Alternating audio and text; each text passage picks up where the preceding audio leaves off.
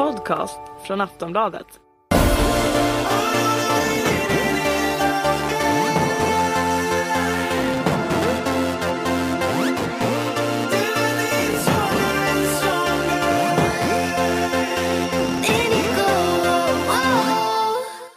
I detta den tredje delen av denna podcastserie som vi gör, eh, apropå filmen Indigo, som eh, förresten hade premiär under Way Out West. Eh, det är en prisbelönt kortfilm, handlar om prestationsångest, psykisk ohälsa. Eh, I den här tredje delen så kommer vi att prata, vi kommer att prata om lite mer ljusare saker, hur, hur man kan ta sig ur detta och som vanligt kan jag säga nu eftersom det är tredje gången så har vi här i studion hjälp av filmens regissör Paul Järndal och filmens kvinnliga huvudrollsinnehavare Cecilia Fors. Är ni med? Ja? Vi är med. Ja, just idag känner jag mig väldigt med. Ja. Eftersom vi kommer att prata om det ljusa. Ja, nej, men jag, jag tycker att det är ju Det är så himla viktigt att alla förstår, alla som känner sig otillräckliga som den här hashtaggen heter.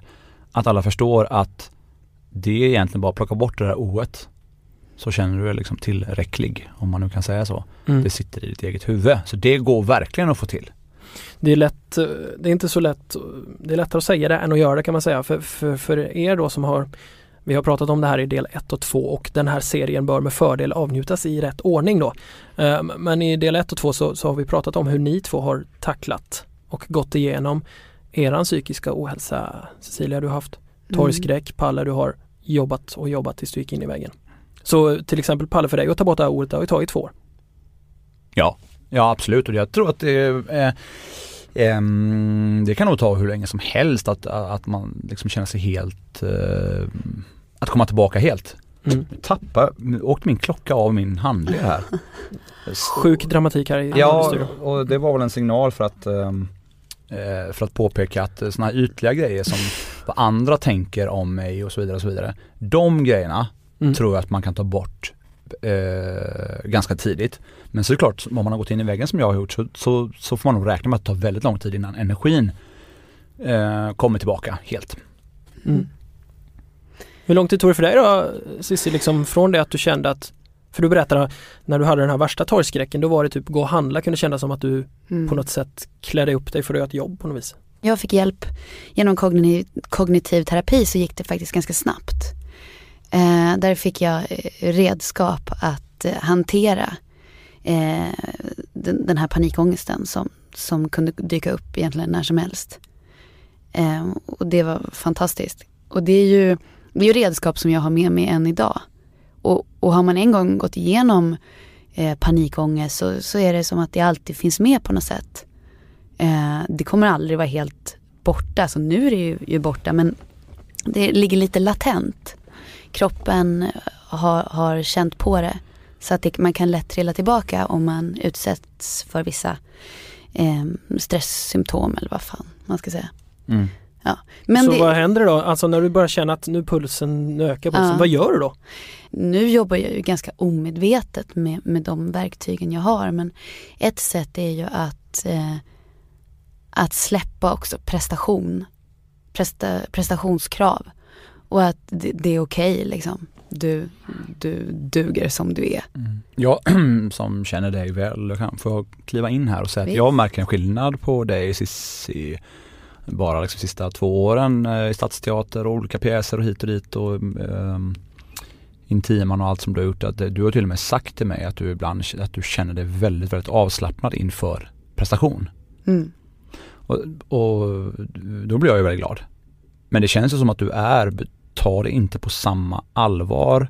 Du, du är oerhört professionell men du tar det inte på samma allvar att du kommer dö om det inte blir eh, prestation. Liksom. Nej. Nej men jag tror också det att desto äldre man blir eh, så, så får man se också alla motgångar som, som man stöter på som gåvor.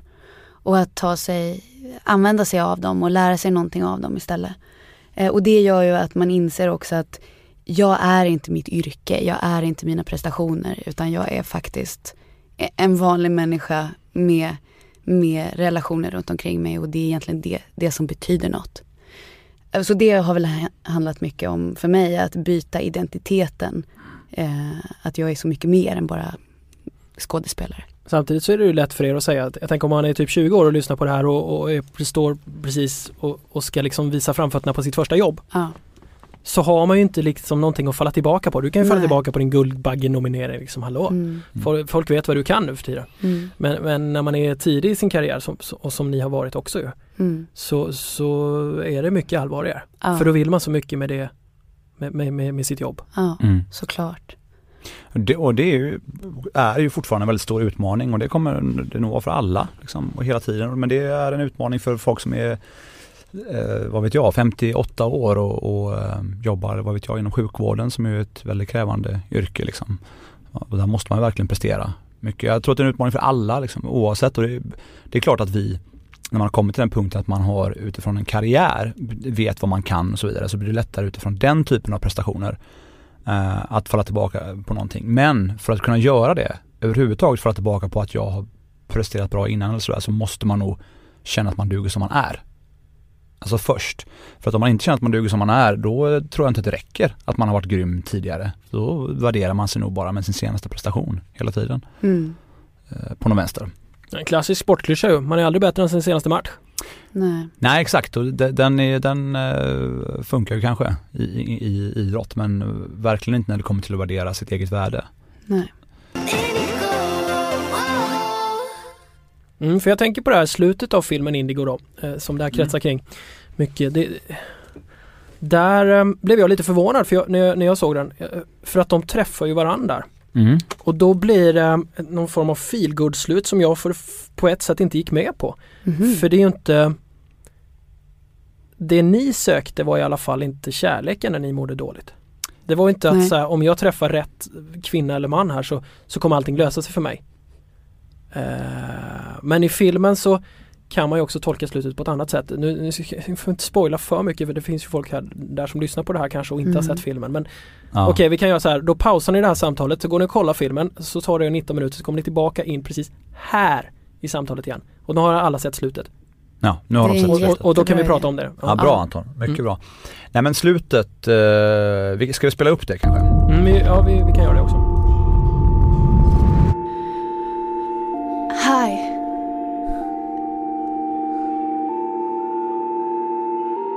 I missed you. Ja, de träffar varandra. Mm. Och det är så, eh, fantastisk pick-up line egentligen att säga också. Jag har saknat dig. Ja, precis. Ja, men Den det- skulle man ju smälta inför om någon skulle säga. Ja, nej, men det är kul. intressant att du tolkar det då som att det är en pick-up line där och så vidare. Men här kan man tolka hur man vill. Men, men så här är det ju med Indigo. Jag tolkar den fel, det hör man ju på det. nej, det är som när du slår en pass Alla- på innebandyplan. Ja, Den passen funkar också. ja, om jag hade stått där. Ja, jag fattar. Okej, men, Nej, men- berätta. Nej men så här är det. Eh, Indigo är ju speciell på det sättet att, att eh, den har så, så pass lite dialog. Ja. Det här utanförskapet som det handlar om har ju jag försökt skildra på ett trovärdigt sätt eh, utan att ge huvudrollsinnehavarna några repliker alls egentligen, förutom allra sista eh, ja, sekunderna i filmen. Mm. Och då möts de här två eh, vilsna själarna i New York eh, mitt på ett dansgolv. Eh, och när de träffar varandra och säger då som han säger eh, I've missed you, säger Johan Matton till CC. Då kan man tolka det på många olika sätt. Men en tol- jag vill att det ska vara öppet för tolkning, alla får tolka precis som man vill, men en tolkning som, som är tänkbar, eh, det är ju att de har saknat att känna sig så som de känner sig i det ögonblicket. Och då handlar ju det om att få kontakt med sig själv. Nathalie, en, en av våra kompisar efter premiären på eh, Hagabion, hon, vad var det hon sa? Att de träffar sig själv. Hon har sett filmen innan men, men när hon såg det andra gången hon bara, men shit, det är ju faktiskt den här eh, tjejen eller min, min roll eh, som hon då kunde identifiera sig mer med. Mm. Var ju, hon bara, hon träffar ju sig själv. Mm. Eh, så, så det var ju faktiskt väldigt fint tänkt. Mm. Ja, Jag älskar Och den det- tolkningen. Ja. Mm. Tycker det är suveränt. Så det är ju, alltså för mig så är det här inte en kärlekshistoria utan det här är en historia om, och det här är en historia om att hitta tillbaka till sig själv. Mm. Eh, och, och släppa den konstiga självbild som de här två har, har skapat sig. Att hitta tillbaka till någonting som blir viktigt och gå vidare utifrån. Mm. Sen kan man tolka det lite hur som helst. Det är spännande, många undrar ju, har de setts innan i livet? Är det första gången de ses och så? Det Mm. kan man klura på. Men det är ju ett väldigt bra, alltså jag tänker om man skulle använda den i en raggningssituation och någon, någon säger någonting och man själv svarar det jag saknat. Det är ju, eh, Mm. det är ju eh, nästan ett fundament man kan bygga på. Ja, ja men det är det. Jag, Ja. det Nu ska inte det här överanvändas. Nej, nej. Nej men för att vara eh, lite personlig i detta positiva avsnitt så kan man ju säga för mig att komma tillbaka från min eh, utmattning så är det ju så att jag träffade ju Cissi ganska kort innan dess. Och att eh, liksom relationen med dig har varit väldigt viktig för mig eftersom jag upplever att vi Eh, men vi, jag upplever dig som en liksom själsfrände. Så att när det var som tuffast så var det ju superviktigt att träffa någon som jag verkligen känner jag kan identifiera mig med och som jag också kan ha ett samtal utifrån samma eh, kontakt med sig själv på. Det har varit helt, jätteviktigt för mig och det är ju mycket tack, Cissi har ju en stor del i att jag kommer tillbaka. Så att det, ibland kan det vara möten som till exempel när de här två träffar varandra i, i filmen. Mm. Mm. Nu tar ni varandra i hand här. det var så fint sagt. Men hur, hur, hur tolkar du det då? När du läste det här manus eller första gången du liksom kom i kontakt med hur ni, hur ni skulle jobba med den här filmen. Hur, hur, hur tolkar du slutet? Eh, Vad betyder det för jag, dig, Jag, liksom? jag, min, min bild av de här två människorna är ju att de har bott på samma gata när de var små. Och lekt ihop. Eh, och haft sin egna värld där de har varit kreativa tillsammans och har kunnat vara sig själva. Och avslutat varandras meningar, alltså en, en riktig bästa vän liksom. Och sen av olika anledningar så har deras eh, de har gått åt olika håll och kanske familjerna har flyttat eller någonting. De, de har hamnat på andra platser och inte haft med varandra att göra på väldigt länge. Och när de ses igen så, så kan de fylla i varandras meningar igen. Och ser sig själv som den de vill vara. Mm. Jag tänker på alla, du berättade för mig, nu fick, eh, när vi tog en paus så sa du att när det var som värst för mig då var det ungefär som att det var en film framför mig och resten av världen. Att det fanns ett täcke eller någon slags Mm. filter mellan mig och världen. Ja men du vet sån här klassisk plastfolie som Ja. man kan plasta in. eh, Glapack som man sa förr. som- Glapack. Ja. Gladpack. Ja. Eh, Och det, den var i vägen mellan dig Ja, nej, men jag tyckte att det blev, när, det när jag tappade helt energin så kändes det lite grann som att, att det låg ett sånt filter fram, ö, över hela liksom min kropp och framförallt framför min, min hjärna och mina ögon som gjorde att jag inte liksom f- kunde få helt kontakt med den riktiga världen. Det känns som jag levde i en liten bubbla liksom in, inne i mig själv. Det är ju inte en härlig känsla på något sätt. Men på slutet i filmen här så gör man ett hål i den där gladpacken. Ja, exakt. Ja, men alltså det, det positiva och det peppande för alla som känner så här, om man har gått in i väggen eller man har prestationsångest eller panikångest eller vad det är. Det är ju att verkligen att det går att ta sig ur det. Jag mår ju otroligt mycket bättre idag och, och du också Cissi. Mm. Och det, det är ju liksom det här som är poängen. Det går absolut att ta sig ur och hade man, hade jag börjat prata om det här tidigare och kanske Quality sleep is essential for boosting energy, recovery, and well being. So, take your sleep to the next level with Sleep Number. With a Sleep Number smart bed, you can individualize your comfort level and enjoy a better sleep night after night. JD Power ranks Sleep Number number one in customer satisfaction with mattresses purchased in store. And now, the Queen Sleep Number C4 smart bed is only $1,599, a saving of $300, only for a limited time. For JD Power 2023 award information, visit jdpower.com/awards. Only at Sleep Number stores or sleepnumber.com. på så sätt paus, tagit mer återhämtning, börjat reflektera över hur mycket energi jag gav ut och in och sådär. Flera år innan det här så hade jag nog inte behövt hamna i den här jättejobbiga eh, utmattningsgrejen. Och jag antar samma för dig. Ja, ja, nej men det, för mig var det A och O att börja prata. Eh, så absolut. Och, och kanske om du hade gjort det tidigare. Ja, ja, ja, ja, gud, det hade ju varit superbra. Och det är ju det vi vill också, att man ska ta tag i det här efter första symptomet. För att då blir det inte lika skambelagt och, och lika jobbigt och det behöver inte, man behöver inte sjunka så djupt. Eh, det kan liksom få vara en förkylning och inte en influensa. jag vet inte om det var bra liknelse, men, men att jag, jag, jag, det uppmanar jag till att prata så fort du, du känner första symptom. Mm. Vem, men vem då? Alltså, ni har ju Någon- sagt att någon- ni, gärna skulle man kunna prata om det här som man pratar om en, en fotbollsmatch. Gärna Ja, nej vi- men den första man pratar med är väl viktigt att det är någon man litar på. Att det är ens eh, mamma eller sin bästa kompis eller någon person man, som har kommit nära en på något sätt. För tjejen i filmen, nu låter det som vi pratar om Bullen här, Mm. men, men tjejen i filmen du spelar, Indigo där, hon, hon, hennes kompisar, tror de kan ta emot det? Jag känner inte riktigt att de Tror du att de skulle kunna ta emot det? Kan alla liksom? Eh, jag, jag tror att alla, alla är vi kapabla att hjälpa en annan person Mm. men eh, ibland så, de har väl också sprungit ifrån sig själva på något sätt och Mm. har ett, ett filter och då är det ju svårt att två personer med, med supermycket filter ska, ska, två som mår dåligt kan vara svårt ibland då, fast det är ju för fansen som Indigo, de mår ju dåligt båda två. Kan vi bryta? Ja, ni är två personer med filter, no filter. Ja. Nej men vi, filter. vi två är väl ganska bra exempel på det. Alltså Ja. båda två har känt eh, liksom olika svårigheter och det funkar ju alldeles utmärkt att prata om. När du säger vem, vem ska man prata med? Så, så är det ju, ehm, jag tror mycket att prata med folk på tu man hand, det är fint. Alltså att prata två, två människor, Mm. det är, är alltid bra tror jag. Det är ju tufft om man liksom ska prata i grupp kanske i första läget. Men att prata med en psykolog, det kan jag säga. Det tror jag alla människor skulle tjäna väldigt mycket på. Helt klart. Mm. Vad har ni för tips då till folk när, när någon öppnar i din närhet, öppnar upp för ett sånt här samtal? Om man får helt plötsligt i knät att fan jag, jag mår verkligen, jag har gjort, mått dåligt ganska länge nu. Kan vi prata? Ska, hur ska man ta emot det då? Ja men du vet på den här frågan när folk säger så här, ja men jag ser att du är trött och du har haft det tufft och kanske man säger att man har blivit sjukskriven några veckor om man jobbar eller man har inte varit i skolan Mm. några veckor för att man, man har mått dåligt eller sådär. Så blir, kan det ofta bli att folk säger så här, ja men och mässar kanske, du kan alltid prata, du vet, ring Mm. om du vill prata och så vidare. Hur många ringer för, alltså det är oerhört sällan man gör det. Utan jag tror att Mm. det handlar ju om att vara som vän eller liksom eh, närstående till någon som, som mår dåligt. Det handlar om att vara väldigt lyhörd och lyssna och titta väldigt mycket och att själv intressera sig för att öppna upp ett samtal. Det tror jag. Mm. Jag tror sällan det är så att man, någon, någon kommer och bara plopp, säger någonting. Mm. Alltså jag tänker det, människor i kris, de kriser jag har haft i mitt liv då, då har ju jag noll energi.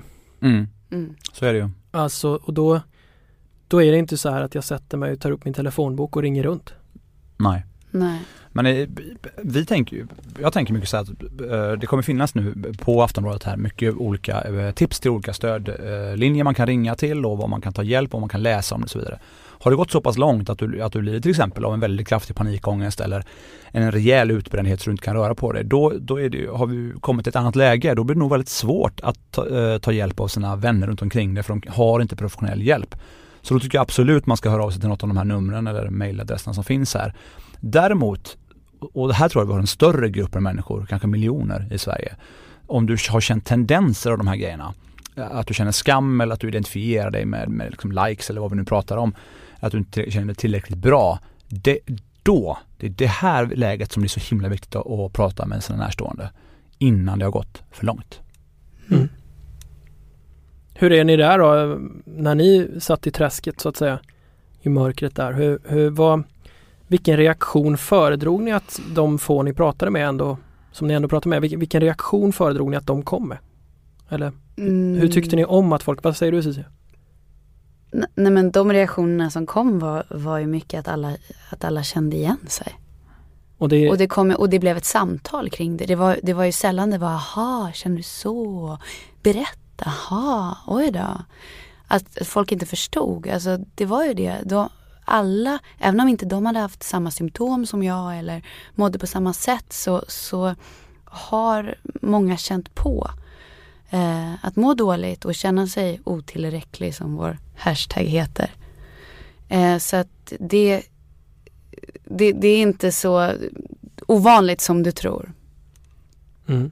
Mm. Vil, vilken, eh, fanns det sätt att reagera på som ni inte tyckte om? Ja absolut. Jag tycker att det är superviktigt att säga, särskilt alla som eh, av en an- eller annan anledning känner att de är på väg att gå in i en vägg eller känner sig att de inte räcker till, att de är utmattade och så, och så vidare.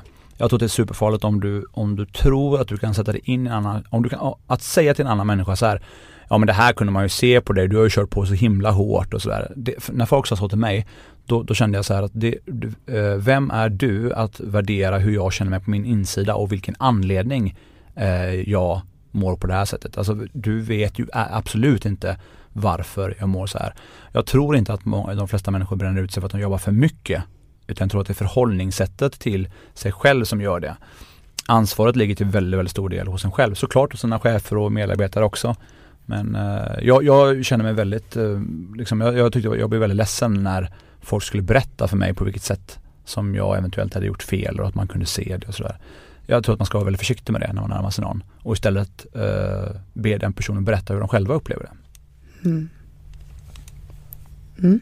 Men säger du Absolut. Cissi, fanns det saker som, som du fick höra som gjorde dig liksom arg eller ledsen?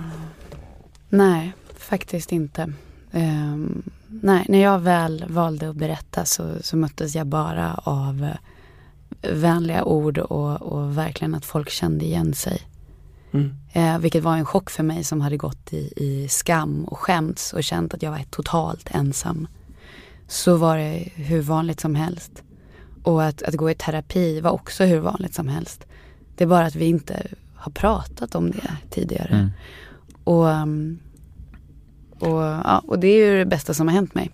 Och om det nu är så Nu. att någon Mm. är som i vår omgivning eller och nu också särskilt när vi pratar om det här. Om det nu är så att någon är i din, du som lyssnar eller i omgivningen eh, börjar liksom snacka så här, ah, men eh, den här, hon eller han, eh, hon verkar inte må så himla bra och, så här. Om det nu är så, så låt inte det bli ett problem. Alltså det, sitter, det problemet är, sitter i den personens huvud. Det är ju den personen som har problem som blir, känner sig skrämd eller rädd för att du pratar om hur du mår. Det tror jag är superviktigt. Och Mm. ibland kanske man också ska, eh, om man verkligen vill må bra så ska man nog kanske tänka lite grann på det att det överhuvudtaget spelar inte så jättestor roll vad andra runt omkring dig tänker och tycker. Det viktiga är ju hur du och din närmsta omgivning känner och tänker och tycker kring hur man mår och så.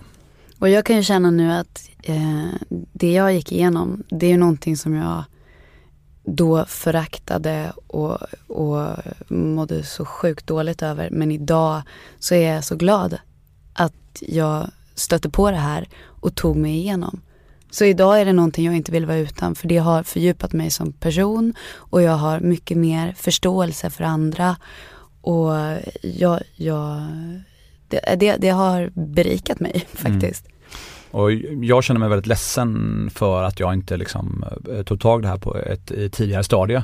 Det, det kan jag känna mig fortfarande väldigt ledsen över och liksom tycka känns jobbigt. Eh, Men jag känner ju också, precis som du Cissi, att den här resan har varit väldigt viktig för mig och jag kom ju ut som en mycket eh, starkare människa och hade vi, hade inte du och jag gått igenom de här sakerna så hade ju inte det här projektet hashtag otillräcklig funnits och förhoppningsvis kan vi ju med det här i vilket fall hjälpa några människor att känna sig lite Mm. bättre och det, det är ju superviktigt. Mm. Och filmen hade ju inte funnits heller.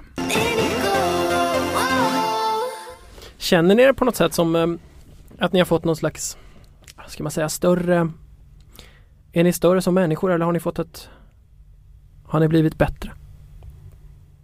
Ja, jag är definitivt mycket bättre mot mig själv. Alltså att, att jag har blivit mycket, mycket bättre på att tänka eh, lite mer, sätta mig själv lite mer i första rummet. Och, och det i förlängningen gör att jag blir starkare och mår bättre och också kan liksom vara en god medmänniska. Så absolut, jag, jag tycker att jag har, har, blivit bättre på det sättet. Mm, och jag också. Eh, jag har blivit bättre mot mig själv. Vilket gör att jag i slutändan blir bättre mot andra för jag är tydligare. Eh, ja, jag tar mig själv på allvar Mm. och då gör andra det också. Men, man, men det här i framtiden, för, för min del i vilket fall, så det är ju verkligen så. Jag måste ha ett öga utåt och ett inåt jämt tror jag. Alltid tänka på hur jag känner mig på insidan. Och inte tro att liksom små punktmarkeringar, i ut och jogga eller köra ett yogapass eller eh, kolla på en film ska ge mig återhämtning liksom från, från livet som det är. Utan jag tror att man måste hela tiden reflektera och känna efter lite grann. Och det, det kan du säga rent konkret hur det går till då eller hur kan man? hur hur jag gör. Ja, Ja, nej, men jag tror att jag, när, när du känner dig lite snurrig eller trött eller vad det kan vara, till exempel innan du ska träffa någon och fika med en kompis. Då eh, är det ju inte helt fel att man liksom kort stannar till, reflekterar lite grann över det och kanske lyssnar på en extra låt eh, med mina lurar. Liksom, sätter mig på en eh, bänk där bussen stannar. Lyssnar på en låt och slappnar av, tar lite lugnt och samlar lite energi och sen går in i den här fikan. Till exempel sådana enkla smågrejer. Eller när jag träffar Cissi och vi ska, ehm, ja vad ska vi göra, ha en picknick kanske i Vitabergsparken. Att jag direkt när vi ses säger att Mm. alltså jag, jag vet inte, jag känner mig lite snurrig här innan. Jag, jag, det kanske är att jag har en liten släng av liksom, jättemycket trötthet nu. Då tror jag att du tar med det liksom, i sättet du behandlar mig just den gången. Kanske klappa mig på axeln en extra gång. Jajamän. Det Ja. var precis det jag skulle säga att istället för att låtsas att man mår bättre än vad man gör eh, så, så, så är det ju bara att säga det att nu är jag lite hängig alltså. Jag mår inte helt hundra eh, så du vet det liksom. Och då kommer ju den personen att ta emot det mm, ja, 100% säker är jag faktiskt att det, det är lugnt. Hellre gå och träffa den där människan Ja. och säga att du mår dåligt än Ja, att visst, stanna hemma och visst. skita i det och Ja. säga att du inte orkar. Absolut, och skapa samtal kring det istället. Mm. Bara det gör liksom att det släpper så mycket ångest. Det är okej, alltså det är okej att inte känna sig på topp och att inte prestera som du kanske tänker är max. För ofta har vi ganska hög lägsta nivå ändå. Det är en fin, ett fint sätt att avsluta alltihopa tycker jag. Mm. Oftast har vi en ganska hög lägstanivå ändå. Mm. Vi som har gjort eh, de här tre podcastavsnitten det är Cecilia Fors, Paul Järndal, Anton Berg. Och eh, musiken har, som ni hör i bakgrunden, har gjorts av Frida Sundemo. mm.